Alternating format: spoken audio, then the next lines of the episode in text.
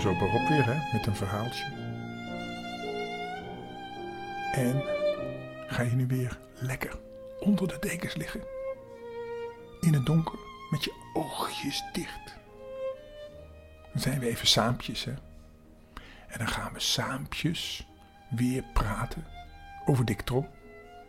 En misschien kunnen we ook wel praten over verjaardagsfeestjes. Want Dick Trom is uitgenodigd bij Anneke voor een verjaardagsfeestje. Ik ben benieuwd. Want Dick Trom weet dat je op een verjaardagsfeestje meestal heel veel lekkers te eten krijgt. En je weet hè, Dick Trom is niet voor niks Dick Trom. Hij houdt erg van eten. Heel erg van eten.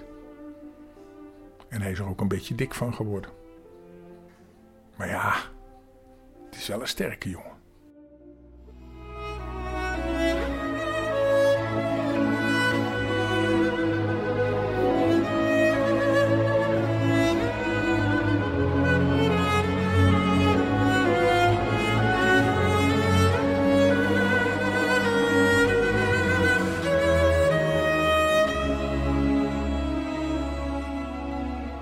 Nou, laten we maar eens gaan kijken.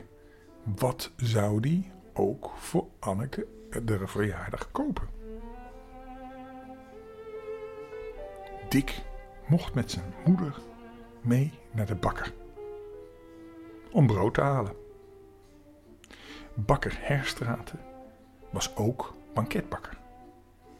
En je weet, het verschil tussen een bakker en een banketbakker is: de bakker bakt brood maar als hij ook banketbakker is, dan maakt hij ook gebakjes en allerlei andere lekkere koekjes. Daarom heet hij dan banketbakker. En Dick, die keek zijn ogen uit naar al dat lekkers dat er in de winkel te koop was. Opeens ontdekte hij een varken van marsepein. En direct kwam de gedachte bij hem op aan het verjaarscadeau van Anneke. Dit zou natuurlijk een perfect verjaarscadeau zijn. Er zou geen mooier cadeau op de wereld te bedenken zijn. Hij zei tegen zijn moeder: Oh, moet je kijken. Wat een mooi varken. Met poten en een staart en ogen. Wat prachtig. Toen moeder, koop dat voor Anneke als ze jarig is. Wat zal dat lekker zijn? Maar moeder Trom had er niet zoveel oren naar. Want het varken was nogal groot en het zou dus nog wel veel geld kosten.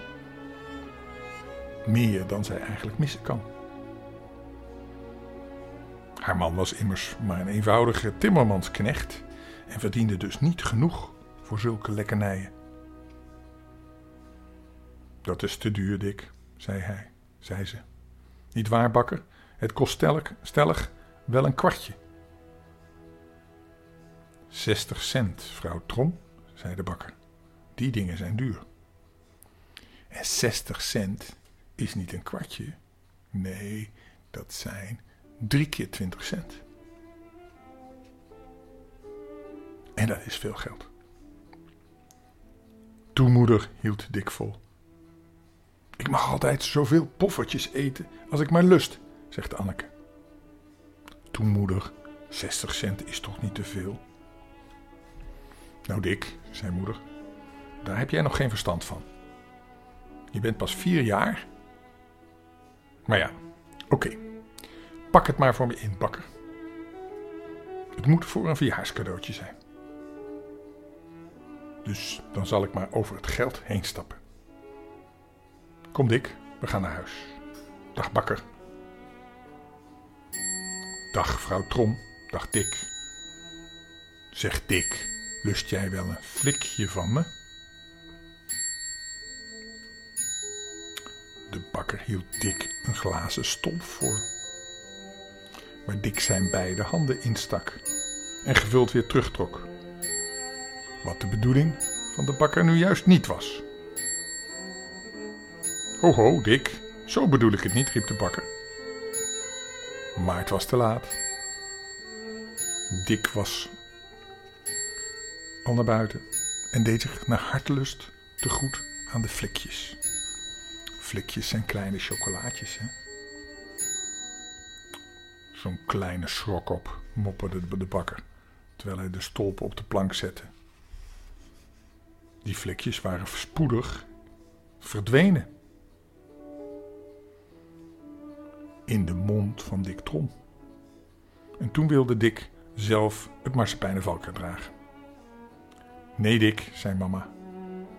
Dan laat je het maar vallen en dan is het stuk, zei moeder. Ik laat het niet vallen, beweerde Dick. Laat mij het maar dragen, moeder. Zoals gewoonlijk kreeg Dick ook nu weer zijn zin. En met het prachtige varken in zijn knuisjes stapte hij parmantig naast zijn moeder voort. Wonder boven wonder bracht hij het heel huis thuis. Dadelijk haalde hij, het uit, haalde hij het uit het zakje tevoorschijn en hij zette het met zijn vier poten op de tafel. En ging er toen in stille bewondering op een stoel naar zitten kijken. Oh, wat mooi. Oh, wat mooi, mompelde hij zacht voor zich uit. Moeder moest in het achterhuis eten koken. Zet het varkentje nu in de kast, Dick, anders zal het heus nog breken, zegt ze. En dat zou zonde wezen van zo'n mooi cadeau. Ja, straks, zegt Dick. Eerst moet ik er naar kijken. Moeder verliet de kamer en Dick bleef het prachtige dier bewonderen. Hij streek het over zijn brede rug, voelde aan zijn staartje, liet hem over het tafeltje lopen, terwijl Dick knor, knor riep. En besloot uiteindelijk toch maar eventjes te proeven om te kijken of het lekker was. Zijn verwachtingen daaromtrent waren hoog gespannen. Maar de smaak was nog veel beter. Hij bracht het varkentje naar zijn mond en likte even heel voorzichtig aan een oor. Dick vond het heerlijk. En tot zijn vreugde zag hij dat het oor nog even groot gebleven was. Hij kon er althans niet het minste verschil in ontdekken. Als hij het met het andere vergeleek. En daarom likte hij met veel animo verder. En het was zo lekker, hij kon er niet meer ophouden. Maar toen hij even later weer keek, ontdekte hij tot zijn grote voldoening dat het nog maar een heel klein beetje dunner geworden was. Hmm, bromde Dick, wat is dat lekker. Maar tenslotte kwam hij natuurlijk tot de ontdekking dat het oortje verdwenen was. En dat zelfs de kop al een kleine uitholling vertoonde. O jee, Dick schrok ervan. Hij deed het varken in het zakje en zette het in de kast. Ziezo, de rest is voor Anneke. Dat ene oortje hindert niet, dacht hij. Maar toen liep hij met zijn handen in zijn zakken door de kamer en wilde zich wijsmaken dat hij het hele varkje vergeten was. Maar dat hield hij niet lang vol. Want hij bleef maar denken aan het varkentje. Hij haalde het varkentje weer tevoorschijn. Alleen maar om mee te spelen hoor. Hij liet het weer over de tafel lopen. Soms hard, soms langzaam. En dan knorde Dick weer uiteengetreurd. Tot hij het opeens uit zijn vingers liet glippen en het op de tafel viel. Het arme beest brak zijn mooie gekrulde staartje. Dick vond het echt meer dan jammer. Maar nu het er eenmaal af was, wist hij niet beter te doen dan het toch maar op te eten. Het smaakte net zo lekker als de oortjes. En weldra was het ook in zijn keelgat verdwenen. En omdat er geen varkentjes zijn die maar één hoor hebben, één oor hebben, Dick heeft ze althans nog nooit gezien, besloot hij dat hij ook maar het andere oor op moest eten. Dat stond veel mooier. En Anneke zou het zo niet eens zien. Nu niet meer hoor, besloot Dick. Hij borg het weer op in de kast en ging spelen. Hij keek er de hele dag niet meer naar. Maar de volgende dag begon het spelletje opnieuw. Hij vermaakte zich er zo lang mee tot het voor, dat het zijn voor- en achterpoot kwijt was. En dat vond Dick een dag later zo'n ongelukkig gezicht dat hij de twee andere poten ook maar afknabbelde. Toen was er alleen nog maar een romp en een kop van het varken over. De kop verdween een dag later, ook als offer aan dik snoeplust. En toen merkte moeder pas welk droevig feit zich de gedurende enige dagen had afgespeeld. Maar Dick, riep ze uit, terwijl ze hem het verminkte varkensrompje voorhield. Waar Dick overigens al met enig, enige malen met innig welbehagen aan had gelikt. Maar Dick, wat heb je nu gedaan? Dat varken is al half op. Waarom heb je dat nou gedaan? Het was lekker, zei Dick. Maar het is nog groot genoeg. Anneke lust het toch niet graag, denk ik. Zo, denk je dat, mopperde moeder. Nu, we zullen maken dat je er niet meer bij kunt, want anders schiet er van dat hele verjaarscadeau niets over. En moeder legde het op de bovenste plank in de kast. Toen Anneke jarig was, deed moeder het beest in een schoon papiertje en ging dik op visite. Daar, zei hij, dat is voor jou. Oh, lekker, zei Anneke, een stuk suikergoed. En ze zette er graag haar tandjes in. Je kon zien dat, er, dat ze ervan smulde. Het is een varken, beweerde Dick trots. Nee, zei Anneke, het is een stuk suikergoed. Het heeft toch geen poten en geen kop? Toch is het een varken, hield Dick vol. Maar ik heb het al geslacht. Toe, geef mij ook een stukje. Anneke beet er een stuk af en gaf het aan Dick. Zodoende was het dier spoedig helemaal verdwenen. En om twaalf uur kwamen de poffertjes aan de buurt, waar Dick de nodige eer aan bewees.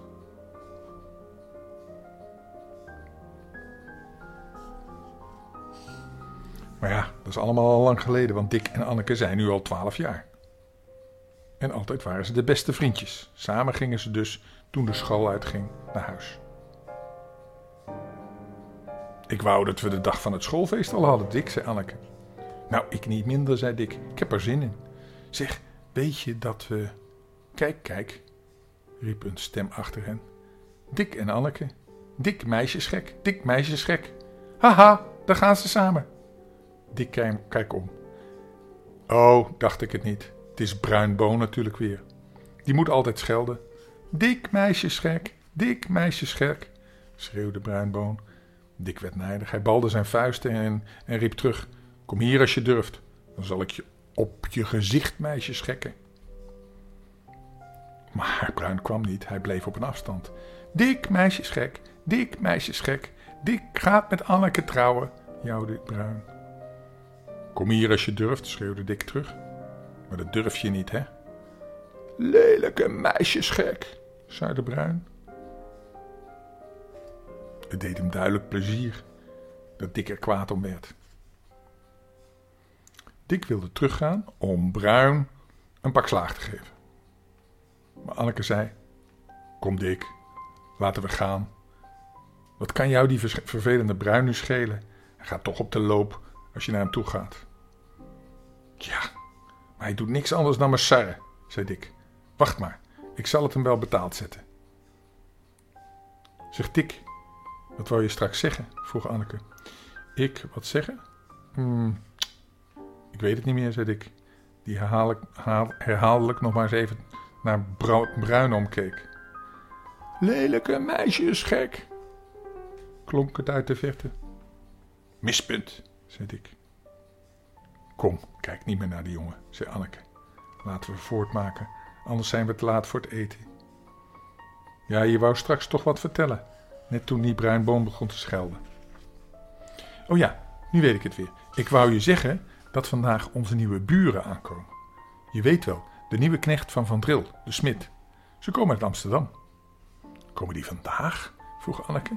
Ja, ze zijn er al, kijk maar. Er staat een wagen met meubelen voor het huis. Zie je wel? Laten we gaan kijken. Dick en Anneke gingen op een drafje verder en hadden het huis spoedig bereikt. De voordeur stond open en de wagen was al gedeeltelijk gelost. Het was een armoedig boeltje. Dat zagen Dick en Anneke alle twee. De mooie meubeltjes zijn zeker al binnengedragen, zei Anneke. En de nieuwe mensen zie ik niet. Nou, dag! Ik moet gauw naar huis, want het eten zal al wel op tafel staan. Dag, zei Dick. En hij ging ook naar binnen. Nou, nieuwe buren, spannend. Laten we het maar even afwachten. Want het zullen vast wel weer nieuwe avonturen worden van Dick Trom. En nu gaan wij lekker slapen. En die bruinboom, dat blijft een ettertje. Dat blijft een ettertje. Welterust. Lekker slapen. Ik hou van je.